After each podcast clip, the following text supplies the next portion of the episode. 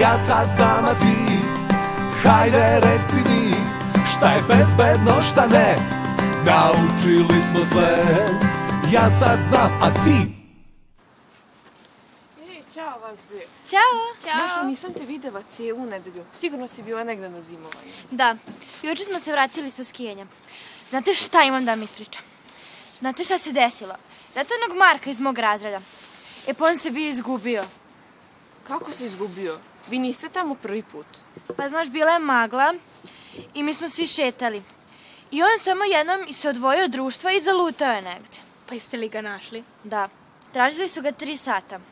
I kad smo ga našli, ruke su mu skroz bile ledene, promrzave. I zamislite, umesto ga trljaju toplom vodom, oni su uzeli led i trljali mu po rukama. Ne mogu da veram. Za tako kratko vreme da je on promrzao. Kako ste znali da ima promrzline? Ajde da pitamo doktora. Ajde. Da. Iako ove zime nema mnogo snega u gradu, neki od vas će ga potražiti na planinama. Zimske čarolije, sneg, grudvanje, sankanje, skijanje, sve to predstavlja veliko uživanje sa drugarima. Ali imajte na umu da ne smete da preterujete, jer ukoliko ste dugo izloženi niskim temperaturama, može doći do nastanka promrzlina. One dovode do smrzavanja kože, što može biti veoma bolno. O tome kako promrzline nastaju i kako ih lečiti ukoliko do njih dođe, razgovarali smo sa stručnjakom. Kako dolazi do promrzlina? Prilikom dužeg boravka na niskoj temperaturi dolazi do promrzlina isturenih delova tela koji su izloženi hladnoći. Koji su znaci promrzlina i kako da ih prepoznamo? E, evo da vam pokažem. Uzet ćete malo leda u ruke, može? Drži ga malo pa da vidimo šta osjećaš katastrof. Ali sad zamislite da te šiba jedna oluje, da si u planinčini i da sa svih strana stiže ili sneg ili ovo. Za sada smo dovoljno topli da topimo ovaj led, a onda ćemo odjednom osjetiti neprijatnost, bol. I to naročito bol u vidu peckanja.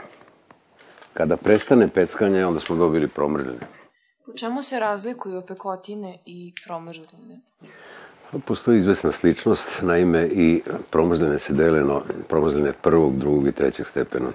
Kod prvog je crvenilo otok i kasnije e, to boli, e, smeta i iritirana je koža. E, ukoliko su dublje i duže traju e, izlaganja hladnoći, onda dolazi do e, stvaranja plikova, koji su ili sukrvičavi ili sa bistrom tečnošću i ne bi smeli da se buše u okviru prve pomoći. To je posao zdravstvene službe.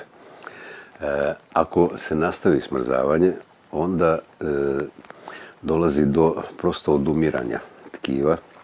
Vidite, mi imamo temperaturu od 36,5, to je telesna temperatura otprilike. E, kada smo u nekom prostoru gde je temperatura manja od 12 stepeni, mi već osjećamo hladnoću. I onda počinjemo da drhturimo, to ste bili svi u toj situaciji. Kad prestane drhtavica, onda je počelo opšte smrzavanje organizma.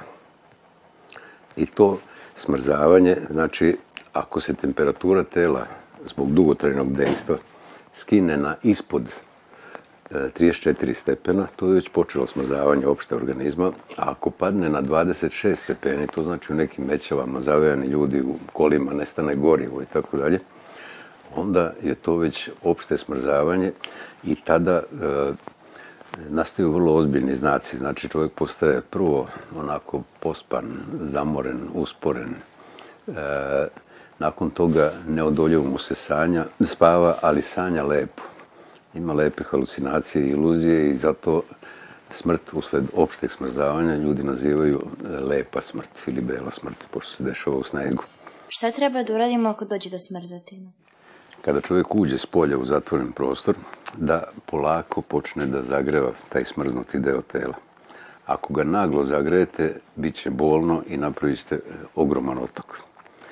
Polako znači ili sobstvenom toplotom, ili stavljajući ruke pod pazuha sam sebi recimo, ili e, lagano u mlaku vodu potapanje recimo ruke, pa kad se malo prohladi opet mlaka i tako postepeno dok se ne vrati normalna temperatura. Kako se radi to zagrevanje čovjeka koji je jako promrzao? Zamislit ćemo recimo da je jedna od vas bila jako dugo na polju, da ste jedva pronašli zalutala i e, dovedete u toplu sobu i sad treba nešto uraditi da se postepeno zagreje. Trebalo bi da skine su mokru odeću i da je obučemo suvu odeću. Ovo je takozvana Hiblerova folija ili izotermalni prekrivač. Izgleda malo, ali je veliko kao ćebe.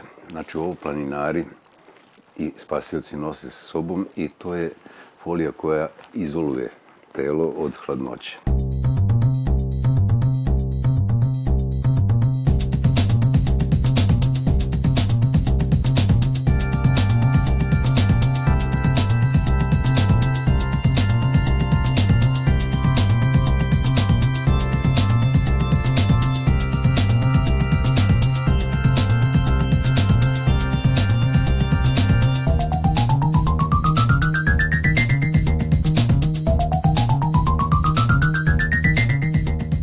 koliko je pri svesti, pored nje smo, hrabrimo je, kuvamo je neke supe ili čajeve, malo podignemo da ona popije, uvek sve malo po malo i postepeno, dok se ne oporavi.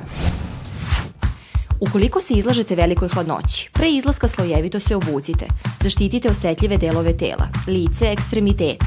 Koristite udobnu toplu obuću i deblje čarape. Dok boravite na hladnom, obratite pažnju na sledeće simptome – promene boje na licu, drhtanje, iscrpljenost, pospanost, dezorijentisanost, gubitak pamćenja, otežan govor. Odmah potražite neku toplu prostoriju gde ćete se ugrajati i povratiti snagu. Povređena osoba sa hipotermijom ne sme da se direktno izlaže toploti.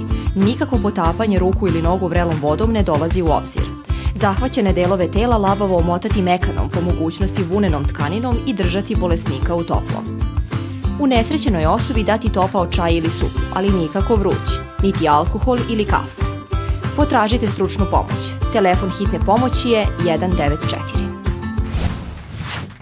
Druženje na svežem vazduhu i snegu ne treba da izbegavate, ali je zato važno da se dobro opremite pre nego što izađete iz kuće.